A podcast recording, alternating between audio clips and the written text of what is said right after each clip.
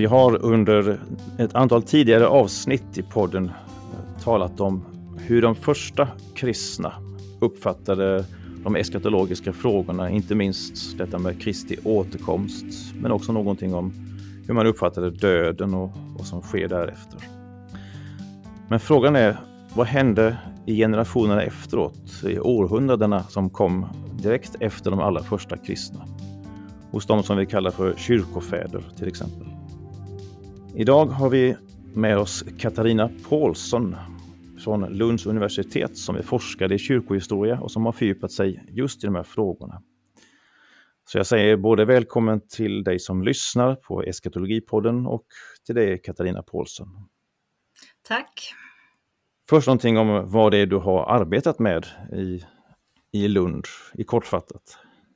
Eh, ja, eh, i min eh, doktorsavhandling så skrev jag om eh, Hieronymus eh, och då fokuserade jag mycket på hans eh, eskatologiska idéer och eh, hans reception av en tidigare tänkare, Origenes av Alexandria, eh, i eh, eskatologin. Och eh, handlade bland annat om frågor om straff och rening efter döden, om frälsningen, och, eh, men även eh, uppståndelsen var en eh, mycket viktig fråga för Hieronymus, de dödas uppståndelse, hur man skulle förstå detta. Och där jag då undersökte hur han dels var beroende av vad Regenes hade skrivit om det här ämnet men också i vissa avseenden tog avstånd från Origenes. Då blir jag ju lite nyfiken på vilka ämnen, vilka trådar av det som har kom upp under de första kristnas tid och som vi har i Nya Testamentet. Vilka av dessa fortsatte sen eller vilka betonade man under de kommande århundradena? Ehm, ja, man får väl säga att alla de viktiga eskatologiska frågorna eh, ja, som förblivit viktiga till våra dagar, de ehm, Eh, uppstod ju under den här första tiden. Om man ser på uppståndelsefrågan till exempel så var det ju verkligen med från kristendomens allra första början i och med att det eh, centrerades kring tron på eh, Jesu uppståndelse. Så att just tron på de, de dödas uppståndelse har ju varit central verkligen från början och en eh, väldigt viktig del av den kristna identiteten egentligen. Det var mycket utifrån eh, uppfattningar i den här frågan som kristna definierade sig just som kristna och som eh, mer rätt sorts kristna jämfört med andra som hade en annan idé om uppståndelsen. Så det var en otroligt viktig fråga från början som ju naturligtvis fortsatte att, att vara central. Men även eh, tankarna om eh, straff och rening efter döden och eh, vad som händer efter döden om man direkt uppnår en närvaro eh, i himlen med Gud eller om eh, det är något annat som väntar. De här föreställningarna finns ju med väldigt tidigt och det finns ju olika uppfattningar om dem i den tidiga kyrkan ska ju påpekas att det var ju inte så att alla var överens eh, om de här frågorna, långt därifrån. Eh, det förekom mycket polemik och konflikt kring eskatologiska frågor. Eh, men eh, ja, dessa var ju frågor som skulle fortsätta ha stor betydelse efteråt eh, under medeltiden och eh, till våra dagar. Man kan väl säga att i, i, de, i, i Nya Testamentet så finns det en stark förväntan på Kristi återkomst. Eh, omedelbara återkomst. Levde den vidare lika starkt eller dämpades den? Ja, den kom ju att dämpas egentligen ganska tidigt, får man säga. Ehm, de första kristna Eh, förväntade sig ju, eh, vad man förstår, att Kristus skulle återkomma väldigt snart. Och det fanns ju också en väldigt eh, stark tro på eh, det här eh, jordiska tusenårsriket som vi läser om i Uppenbarelseboken.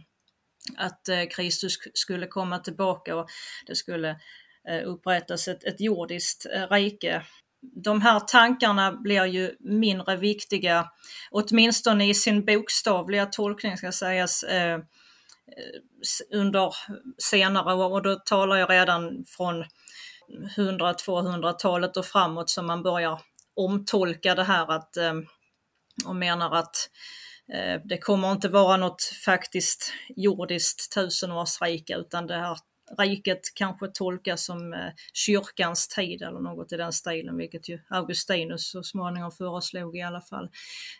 Så eh, eh, det, det här var ju en tanke som, eh, som skulle förändras och som man vände sig allt mer mot bland de kyrkliga författarna, att, det här, att man skulle kunna förutsäga exakt vid vilken tid Kristus kom tillbaka och så vidare.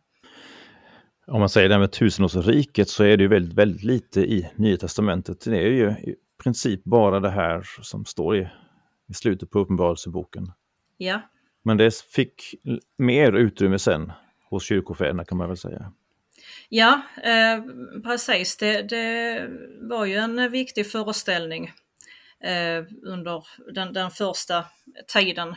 Och eh, som sagt inte heller någon som man senare helt kunde bortse från för det var ju omdiskuterat där var den första och andra uppståndelsen och vad betyder det egentligen om det nu inte betyder ett, ett tusenårsrike så man behövde ju komma med alternativa tolkningar av det här. Jag har också förstått att det lilla jag läst här är ju att man var verkligen inte överens eh, om det här tusenårsriket heller. Origenes var ganska till och med hånfull mot det vad jag förstod. Ja, jo definitivt. Origenes hör ju till de författare som eh, ju vände sig väldigt starkt mot all slags eh, man ska säga materialistiska bokstavliga tolkningar. Det var ju han som eh, förespråkade en eh, andlig eh, tolkning av Bibeln att man skulle inte bara se på det bokstavliga betydelsen utan även den andliga och det, det gällde ju naturligtvis även sådana här eskatologiska frågor då att eh, vi ska inte tänka oss ett eh, fysiskt rike utan det, det, är ju något annat som avses med det här. Och, eh, så han kritiserade väldigt starkt de som eh, förstod det här i materiella termer. Men eh, ska vi gå in på det här som du också har arbetat lite mer med, med uppfattning om döden, vad som sker därefter. Om man tänker på hur det, vad som brukar sägas som skärseldstanken, så är det ju att det är någonting som utvecklades allra mest under medeltiden och då i västkyrkan, katolska kyrkan. Men eh, vilka, vilka tankar fanns hos de här kyrkofäderna, hos de tidiga kyrkofäderna? Eh, ja, om man då återgår till just eh, Origenes som skulle bli betydelsefull i det här avseendet så hade ju han en idé om straff som renande. Eh, han verkar inte ha tänkt sig att Gud straffade människor för att i ett rent vindikativt syfte så att säga för att eh, orsaka dem lidande på grund av vad de gjort sig skyldiga till utan att straff hade en renande eh, funktion. Så en medicinsk syn på straff kan man säga att det här ska leda till människans bättring. Vilket ju då i slutändan ska leda till att hon faktiskt kan förenas med Gud. Och eh, det här var ju en eh, tanke som eh, det var en av de tankar som Reagan skulle bli väldigt kritiserad för. Han kom ju faktiskt att många av hans läror kom att fördömas, han kom att ses som heretiker av senare kristna och en av anledningarna till det var just den här tanken om apokatastasis som det heter, alltings återställelse. Eh, det får du nästan förklara vad det betyder. Ja, eh, precis, att allting, alla eh, förnuftsvarelser efter tillräckligt lång rening till slut kommer att räddas och eh, förenas med Gud. Eh, vilket ju då om man drar det riktigt långt betyder att djävulen också skulle bli räddad. Eh, det är inte något som Origenes säger rakt ut någonstans, men det är de här konsekvenserna som hans senare kritiker eh, drar. Så det här, det här var en av de mycket omdebatterade eh, idéerna hos eh, Origenes, just den här synen på straff och vad det implicerar. Eh, samtidigt så är det ju inte på det sättet att senare tänkare helt tar avstånd från den här synen på straff. Långt därifrån och där finns ju många som Hieronymus som jag själv studerat som eh, definitivt visar att en påverkan från Oreganes i det här avseendet och tänker sig att eh, straff kan ha en renande funktion. Vad man ser hos Hieronymus och många andra vid den här tiden, eh, vi talar då slutet av 300-talet, början av 400-talet, är ju att man, en kategorisering eh, av människor eh, där det finns de som eh, är bortom räddning. Eh, man håller inte med Regenes att eh, verkligen alla ska återföras utan det finns en kategori som är bortom räddning. Men eh, vad till exempel Hieronymus menade var ju att kristna människor, även om de var syndare på grund av sin tro, till slut skulle räddas. De behövde genomgå rening men de skulle till slut bli frälsta. Så att eh, man gör den åtskillnad för en, för en viss grupp kan straff vara renande. För en annan grupp så är det eviga straff som bara eh, är rent vindikativa i syfte men, men för en viss grupp är de renande. Eh, så det är en tanke som lever vidare trots att Origenes och hans eh, återställelselära blir fördömda så lever ändå den här eh, tanken om eh, att straff kan ha en renande funktion vidare i kyrkan. Tror du att den här tanken på renande är ett sätt för dem att hantera att somliga människor, de vill verkligen, verkligen alla ska få, få komma med. Det här eh, alltings återställelsetanken. Att det har så att säga bidragit till att man vill, vill hitta en möjlighet för det. Och därigenom utveckla den här reningstanken. Uh, ja, um, det, det, är mycket möjligt att, att det förhåller sig på det sättet. Uh, det, det är åtminstone eh, så uh, Augustinus förklarar de här idéerna. Augustinus ska sägas vara väldigt mycket motståndare till dem som hade den här synen. Visserligen finns det inslag att han kan ha föreställa sig tanken att, att eh, det, det, finns en, en rening efter döden men eh, eh han är samtidigt väldigt kritisk mot både Oregenes eh, och även de som följer Oregenes i att tillåta att vissa till exempel som Hieronymus säger bara på grund av sin kristna tro ska bli räddade. Och det, det fanns ju också föreställningar om detta att helgonen eh, på domens dag kunde be för syndarna och eh, de egentligen väntade eviga straff men på grund av att eh, helgonen då trädde in så eh, visade Gud på grund av det barmhärtighet och lät dem undslippa straffet. Och sånt här vände sig Augustinus väldigt starkt emot och han kallade de som eh, hade de här uppfattningarna för misericordes. Alltså de, de, det är barmhärtighet det handlar om då. De, de, de stördes av sina eh, känslor, de, de, eh, de tyckte synd om de som skulle straffas men Augustinus menar att det, det är inte något, eh, något särskilt bra argument utan Guds rättvisa kräver att syndare straffas i evighet. Så det är åtminstone så som Augustinus förklarar de här idéerna, att eh, det, det är människor som leds av sin eh, medmänsklighet egentligen. Och så kan det naturligtvis eh, ha varit. Men jag tänker på Origene så, jag tänker att hans idé om Gud kanske inte tillät att Gud skulle låta någon ondska finnas kvar egentligen. Att han hade en cyklisk syn på världen, att i början var allt gott och allt var i förening med Gud och sen sker ett fall men det måste komma tillbaka till det här ursprunget att det onda skulle bestå finns liksom inte med i hans bild. Så det kan också vara olika, olika grundläggande syn på, på Gud och på frälsningshistorien som ligger bakom de här olika perspektiven. Det låter lite som att eh, reflektionerna kring skärs, eller det, vi, det vi har kallat skärsel senare, en rening efter döden. Att det har blivit någon slags slagträ debatt om, som egentligen handlar om någonting annat kanske. Eh, ja, det, det, kan man nog säga att eh, det handlar ju, nu blir det väldigt viktigt i den här kontroversen kring Origenes som jag nämnde tidigare, att eh, man, eh, man uttryckte idéer om rening och straff efter döden beroende på hur man positionerade sig i den här kontroversen. Så det var sådana intressen som spelade in. Eh, men någonstans handlar ju de här idéerna om, om frälsningen och frälsningens utsträckning. Vem inkluderas i frälsningen? Vem, vilka kan vi med säkerhet säga att de blir frälsta? Det handlar ju någonstans om synen på eh, vad kyrkan är och på den kristna identiteten. Vem är kristen på riktigt? Räcker det att bli döpt och tro? Är det, är det tillräckligt? Eh, eller krävs något väldigt mycket mer, ett, ett liv utan svåra synder. Så det handlar ju egentligen om mycket mer än om vad som händer efter döden. De här idéerna om vad som händer efter döden, det återspeglar ju idéer om hur eh, man ser på kyrkan idag och kyrkans medlemmar och den kristna identiteten.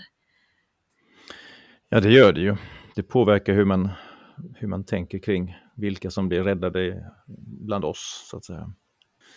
Eh, I nutida debatt så handlar det väldigt mycket kritik eh, om eh, skärseldstanken är ju att den inte har någon biblisk ordentlig grund. Mm. Fanns den diskussionen med också hos de första kyrkofäderna? Där? Ehm, um, ja, det, det, finns ju, det är ju ett ställe i, i Bibeln som man eh, ofta ser i det här sammanhanget. Och sen är det ju vad det stället betyder egentligen eh, kan man ju ha mycket olika åsikter om, men det handlar ju om första Korintierbrevet 3, 10-15. Om eh, byggnaden som byggs med Kristus som grund eh, och som då kan byggas med olika material. Med guld och ädla stenar eller med hu och halm och så vidare. Och i det fallet då där byggnaden har eh, uppförts med de sämre materialen så kommer det här att prövas i eld och förstöras. Men eh, den som byggt kommer ju själv att räddas på grund av Kristus, grunden, oavsett vilka material man har byggt med. Det här är ju den centrala eh, texten eh, får man säga när det gäller rening efter döden. Ett, eh, en eld som eh, tar bort det onda och det som, som man tänker sig förhindrar en förening med Gud, det som det försvinner i elden. Eh, människan renas. Men naturligtvis eh, fanns det olika uppfattningar om vem som inkluderades av det här. Om vi går tillbaka till Hieronymus så är ju tanken den här grunden, eh, ja det är de som tillhör den ortodoxa kristna kyrkan som har den rätta kristna tron. Eh, sen behöver man inte leva något speciellt bra liv men grunden kommer att, att rädda en till slut. Men, men det, det här är det det stället man, man brukar eh, hänvisa till. Eh, sen som sagt eh, skiljer sig tolkningarna av det. Ett sätt som man tänker kring det här det är ju att det, är så, det, det sägs så lite om det, att man inte kan bygga en hel lära på det. Resonerar man så också? Um, första? Ja, alltså i, i den för, i den, eh, under de här första århundradena så, så blir det ju inte en lära på det sättet. Eh, och det är först på 1100-talet eh, tror jag som vi, eh, det här, det här faktiskt blir en kyrklig doktrin så. Eh, där man börjar tala om purgatorium som ju som är en plats då. Det, just den föreställningen, eh, det, det bygger ju naturligtvis på de här tidigare idéerna men det, eh, det är en idé som utvecklas och den här läran fanns ju eh, inte under de, de första århundradena. Eh, men som sagt däremot gott om idéer hur en människa efter döden kan renas från synder och hur rening kan, kan möjliggöra frälsningen för, för syndare. Eh, skärseldsläran utvecklades ju bara i väst, alltså i den bemärkelsen som vi pratar om skärseldslära. Var det de kyrkofäder som eh, präglade västkyrkan främst som hade de här tankarna medan hur, hur var det i öst? För där har det ju inte riktigt utvecklats på samma sätt. Öst, alltså ortodoxa kyrkor tänker jag. Nej precis. Nej det är mycket riktigt att eh, skärseldsläran är ju ett, ett västligt fenomen som inte har accepterats i öst. Även om sådana föreställningar har funnits så är det inte blivit någon lära på det sättet. I, I den tidiga kyrkan så finns ju inte den distinktionen utan om vi tänker oss att Origenes är ju, som jag var inne på tidigare, en väldigt viktig tänkare i det här avseendet med eh, just sin, sin syn på straff som, som renande och kommer att influera väldigt många senare tänkare. och Reagan är ju en, en östlig tänkare som sen däremot influerar många västliga teologer som tar över åtminstone delar av eh, hans synsätt. Men eh, nej, det, det får sägas vara en mm, tanke som snarare kom från den östliga kristendomen till väst. Okej, okay, men sen inte utvecklades i öst? Eh, nej, inte på det sättet att det blev en kyrklig lära, nej. Det står ju en del om den första och andra uppståndelsen, i, inte minst i Uppenbarelseboken. Hur kom de tankarna in och föras vidare? Vävdes de in i det här och de här diskussionerna också?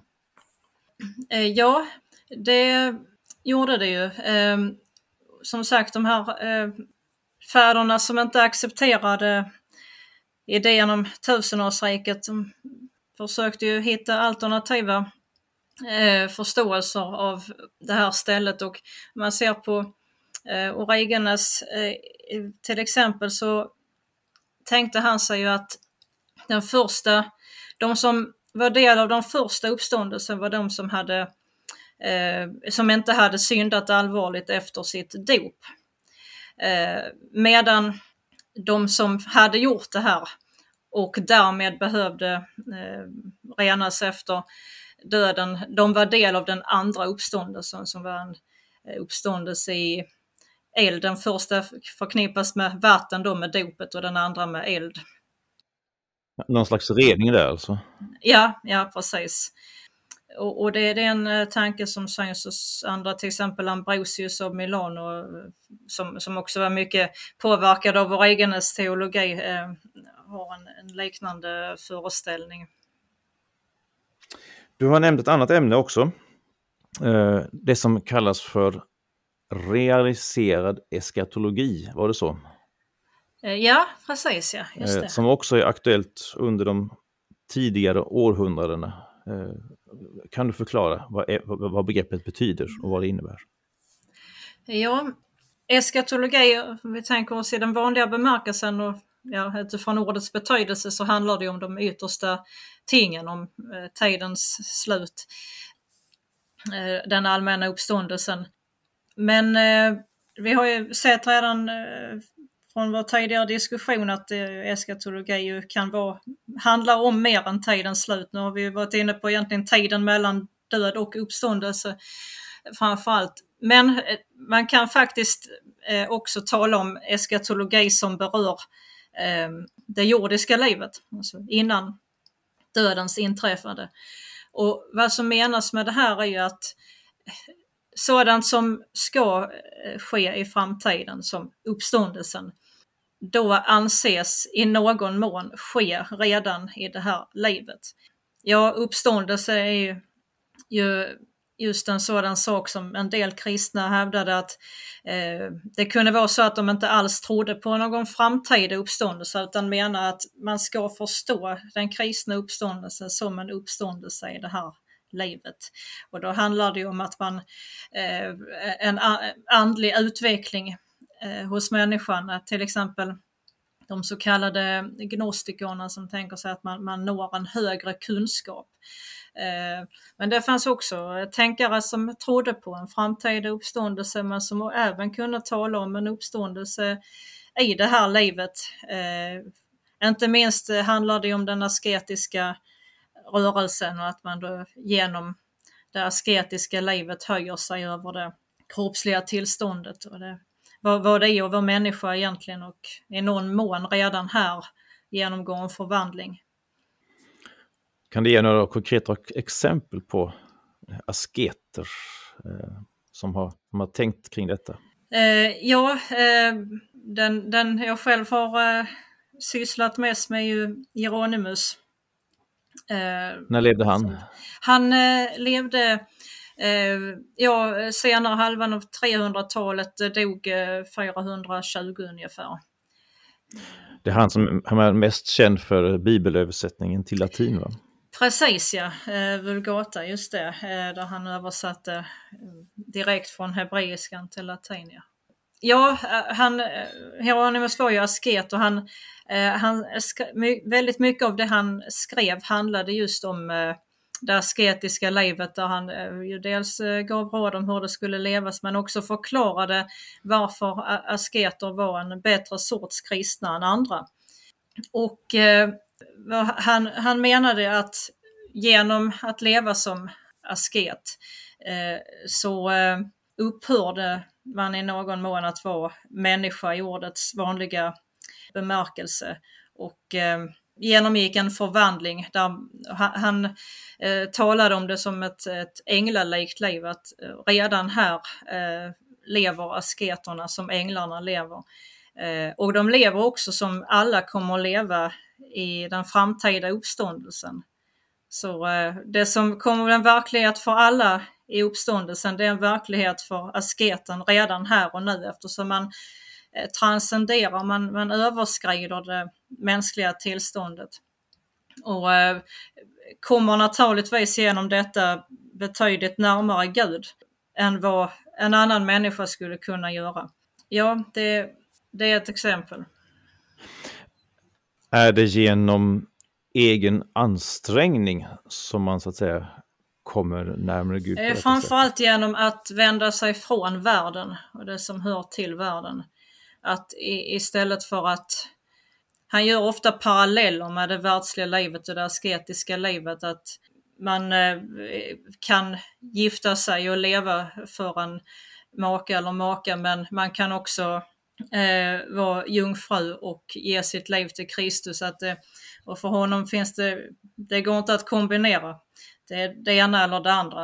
Eh, så det, eh, asketism här handlar framförallt om att inte leva i världen, att ta avstånd från världen och från det, ja, det, det vanliga sociala livet, eh, de kontakter man haft innan och eh, leva endast för Gud, att, att tjäna Gud. Vilket blir omöjligt om, med, om man skulle fortsätta leva i världen. Ja, tankarna är ju bekanta, de har ju funnits med sen också i klosterväsendet och det var det som Luther gjorde ganska ja, mycket uppror ja, mot. Precis. Eh, att eh, det klosterlivet skulle vara något bättre liv eller en bättre ja. väg till Gud. Men vi har ju också under senare tid också fått en lite mer djupare förståelse av, av vad det asketiska livet faktiskt är och inte, inte bara nidbilden. Nej, det, det blir ju lätt så i polemiska sammanhang att eh, ja. När, när, man bara förklarar det så här som vi har gjort det här nu så, så låter det inte som en, en väg till Gud som jag skulle känna igen direkt. Det blir så väldigt mycket egen prestation. Ja. Men det kanske inte Uppfattades det så på den tiden också eller var det mer att det här var idealet som väldigt många uh, såg upp Nej, det, det fanns väldigt olika uppfattningar om det. Uh, Hieronymus var väldigt kritiserad för de här idéerna. Nej, det var absolut inte så att under senantiken så tyckte alla att eh, asketismen var vägen till Gud och att asketerna hade någon närmare, eh, något närmare förhållande med guden andra, alltså, ja, ofta såg man ju upp till eh, den här rörelsen och såg det som något positivt. Så det, det ska man ju säga, men eh, det fanns också kritik mot den och ja, eh, Hieronymus var ju ganska, får man säga, extrem i sina uppfattningar. Det var inte så många som skulle gå så långt som att göra den distinktionen mellan asketer och icke-asketer som, som han gjorde. När, man, när, jag, när jag tänker på asketer så får jag den här bilden av Symeon Styliten ja, just det. framför mig. Ja. Alltså han som levde en, ja, en viss del av sitt liv uppe på en pelare. Var det också någon slags eskatologisk bakgrund till detta? Eller? Strävan? Ja, nu, nu har jag, är jag inte alls insatt i Simon och, och eh, vad som låg bakom hans eh, speciella form av askes. Men eh, alltså, ja, i, i regel så är ju asketism kopplat till eskatologiska föreställningar. Eh, definitivt. Eh, eh, det handlar ju ofta verkligen eh, om att ja, överskrida det mänskliga tillståndet, att, att komma närmare det himmelska redan här, att föregripa det som ska komma på ett sätt som andra människor inte kan göra, men, men genom de här, den här typen av liv så blir det möjligt. Det, det tror jag är en ganska genomgående föreställning, den här tidens asketism. När jag jämför det med Nya Testamentets vittnesbörd så låter det som att det måste ha hänt någonting på vägen däremellan för att det här ska ha utvecklats. Vet du någonting om det? Um, alltså det åtminstone sägs det inte så mycket i Nya Testamentet om det här asketiska. Visst finns det, men det är inte jättetydligt. Så är det ju verkligen. Det finns ju, alltså Nya Testamentet innehåller ju inslag som, eh, ja till exempel om man ser på vissa delar av Paulus brev där asketiska tänkare senare hade ganska mycket att hämta. Att eh, de som har mm, hustrur ska leva som om de inte hade någon, tiden är, är krymper. Och det här. Eh, han har ju det första Korintierbrevet framförallt där det finns en hel del föreskrifter om jungfrudom, eller kanske inte föreskrifter så mycket, men det är det där eh, intrycket ges att det, det är ett eh, eftersträvansvärt tillstånd i alla fall. Och eh, sen finns det andra delar av Nya Testamentet som ja, ger det motsatta intrycket. Om man ser på pastoralbreven, där är det mer traditionella sociala roller som eh, beskrivs. Så att eh, man, eh, man kunde ju i den senare tiders då eh, debatt mellan eh, asketer och de som ja, inte såg asketismen som så värdefull eh, så fanns det ju olika saker man kunde lyfta fram ur eh, Bibeln naturligtvis. Framförallt var det ju det gamla testamentet som i, mångt och mycket var problematiskt för asketiska författare som Hieronymus att, att förklara. Ja, för det första naturligtvis att man ska eh, föröka sig och uppfylla jorden och ja, det faktum att det det sågs som något eftersträvansvärt att gifta sig och få barn och så vidare. så där fick man ju ta till en del eh, strategier i, i tolkningen av eh, Bibeln för att eh, förklara hur det här kunde gå ihop med det asketiska idealet.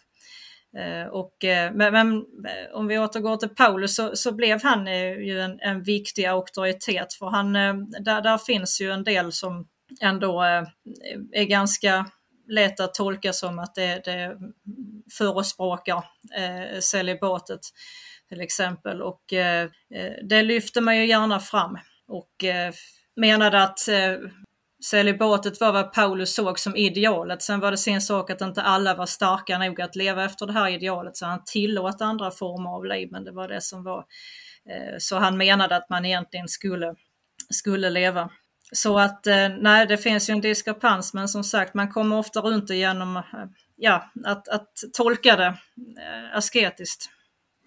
Även celibatet i sig själv uppfattas det också kanske som ett sätt att ta, ta sakerna i förskott, så att säga, ta himlen i förskott lite. Ja, eh, definitivt. Det är väldigt eh, centralt just den här eh, kontrasten att, att gifta sig med en äh, människa eller att bli Kristi brud då, som asketen är äh, enligt de här tolkningarna. Det är verkligen ett antingen eller förhållande där. Att du så här, kan inte leva med en annan människa och samtidigt äh, ha den här nära relationen till Kristus och verkligen tjäna Kristus utan det, det ses ju som oförenligt och ja, sexualiteten ses ju eh, som oren i sig. Det är ju något uteslutet om man ägnar sitt liv åt att tjäna Kristus Eh, celibat fanns ju eh, delvis för, för eh, präster vid den här tiden. Eh, men eh, vad Hieronymus förespråkade var ju att eh, det var inte bara ett celibat för att prästerna skulle kunna utföra sina, ja, uträtta sakramenten utan eh, även lekfolk, även kvinnor eh, uppmanade han ju till det asketiska livet så det var inte för honom inte bara knutet till prästerskapet utan han, han förespråkade också en lekmannaasketism så att säga, att det, det var idealet för alla kristna. Och detta då som någon slags, Ehm, eller i en strävan efter att ta ut det eskatologiska hoppet redan här och nu i det här livet. Det är det som utgör grunden för hela det här projektet. så att säga. Um, ja, um, precis. Det, det, det möjliggör ju en, ett eh, förhållande till Gud, att det möjliggör tjänandet uh, av Gud. Uh, vilket kräver renhet på människans sida. Men ja, eh, definitivt föregriper det också vad som ska komma och vad som så småningom ska bli en verklighet för, för alla eh, i himlen när alla, alla ska bli som änglar efter den allmänna uppståndelsen. Eh, så eh, är det vad asketerna då anses vara redan här och nu. De föregriper det, det tillståndet. Men om vi lämnar deras värld lite och um Eh, kommer till, till dig. Ja. Eh, hur går dina tankar kring, om du tänker på det här med rening efter döden och sånt. Hur, vad tänker du själv kring det? Um, oj, ja det var svårt. Uh, det är nog inget jag har no någon uh, stark idé om själv faktiskt. Uh, Nej.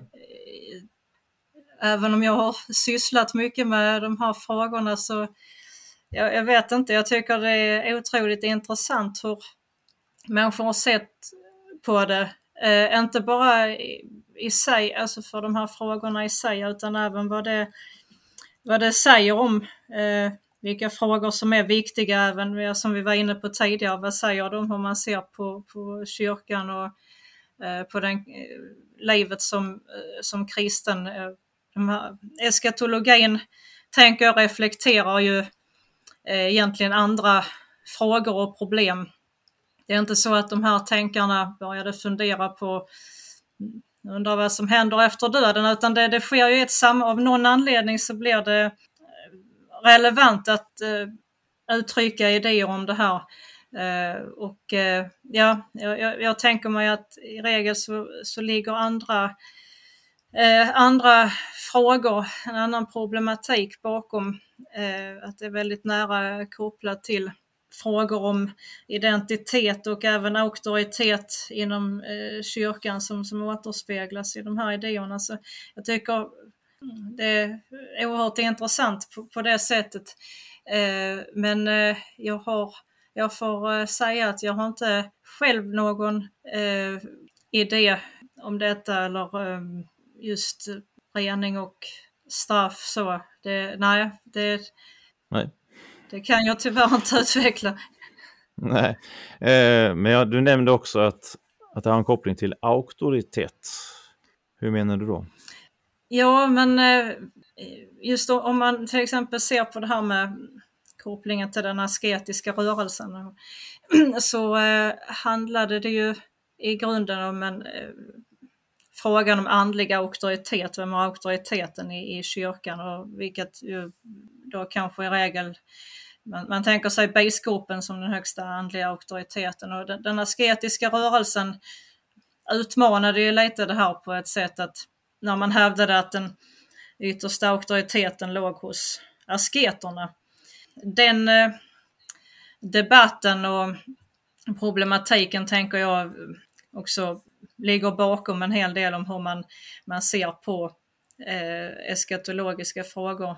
Det, det, det, har argumenterats till exempel för att, eh, och det, det, är inget jag ska gå in på eller uttala mig om själv, men jag, jag nämner som en, exempel bara på att man, man har menat att det finns eh, en koppling mellan eh, idéer om en fysisk uppståndelse i framtiden och en eh, syn på eh, kyrklig eller kristen auktoritet som eh, alltså är mer, ska jag säga, mer materiellt förstådd som att det består av ett, vissa ämbetsbärare till exempel i apostolisk succession. Och att det samtidigt finns en koppling mellan de som hävdar en andlig uppståndelse och de som tänker sig en mer andlig form av auktoritet. Till exempel gnosticismen, att auktoritet bygger på att man har uppnått ett högre slag av kunskap. Att det är det som är den verkliga auktoriteten och kyrkan och inte de som blir vigda till biskopar. Att olika idéer om auktoritet speglas i olika eh, eskatologiska idéer. Och eh, det tror jag det ligger ganska mycket i. Att man, man kan inte skära av eskatologin. Det handlar inte bara om tidens slut, det handlar väldigt mycket om tiden här och nu också. Mm. Om vi lämnar det arbete du har arbetat med, eh, som vi har hört en del om. Eh, vad är det för projekt du arbetar med nu? Eh, ja, jag arbetar dels med några kollegor vid Lunds universitet i ett projekt där vi ska studera det tidiga latinska klosterväsendet med fokus då på utbildningsideal och läspraktiker Eh, och så vidare och, och hur man kan förstå den här perioden som en, en del av europeisk utbildningshistoria, vilka ideal som framställs här och också hur det är kopplat till auktoritet och eh, gemenskapsliv. Så det projektet arbetar jag inom. Sen har jag också ett eh, eget eh, pågående projekt där eh, som handlar mer om eh, den asketiska rörelsen omkring 400 och eh, hur eh, en rad asketiska tänkare eh, framställer asketerna som, som en eh, egen ras. Eh, man talar ibland om de första kristna som en, en tredje ras vid sidan om judar och hedningar. Och jag, eh, där fokuserar jag på hur eh, asketiska författare omskriver det här så att asketerna faktiskt framställs som en, i termer av eh, en ras och då kopplat till idéer om hierarki och eh, makt. Så det, det, är det jag kommer att ägna mig åt närmaste tiden. Så att eskatologin har så att säga, den, den, får inte plats så mycket i det här som du håller på med just nu? Det blir inte så mycket eskatologiskt. Ehm, sen med asketismen är det så att eh, eskatologin finns eh, åtminstone i de eh, författare som jag har fokuserat på så finns den alltid närvarande i någon mån. Men det är som jag varit inne på innan, realiserad eskatologi vi talar om där snarare än eh, det som ska hända vid tidens slut. Då får jag önska dig lycka till med det pågående och framtida forskandet. Ja, tack så mycket. Och tacka dig Katarina. Och så vill jag säga också tack till alla er som har lyssnat och välkomna tillbaka på senare avsnitt.